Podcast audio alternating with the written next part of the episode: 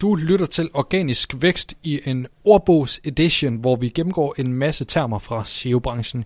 I dag der skal vi kigge på termen Syndicated Content. Mit navn er Jesper Nørskov Jensen. Over for mig sidder Simon Elkær. Og syndicated content, det betyder, at du har og låner øh, indhold, øh, eller du får løbende indhold fra andre sider.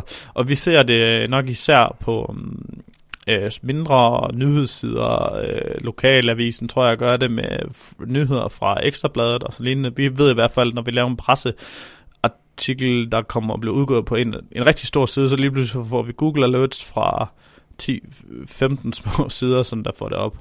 Øh, det der er ved øh, det her syndikerede indhold, det, det er egentlig også øh, i og for sig duplicated content, fordi det er duplikeret fra andres domæner, men øh, Google har nogle retningslinjer omkring syndicated content, som man kan gå ind og læse, som sikkert opdaterer sig fra den tid, som vi indtalte det her. Så hvis du først hører det her om et halvt år, så vil jeg helst ikke komme med en decideret retningslinje her i, enten du skal holde dig opdateret.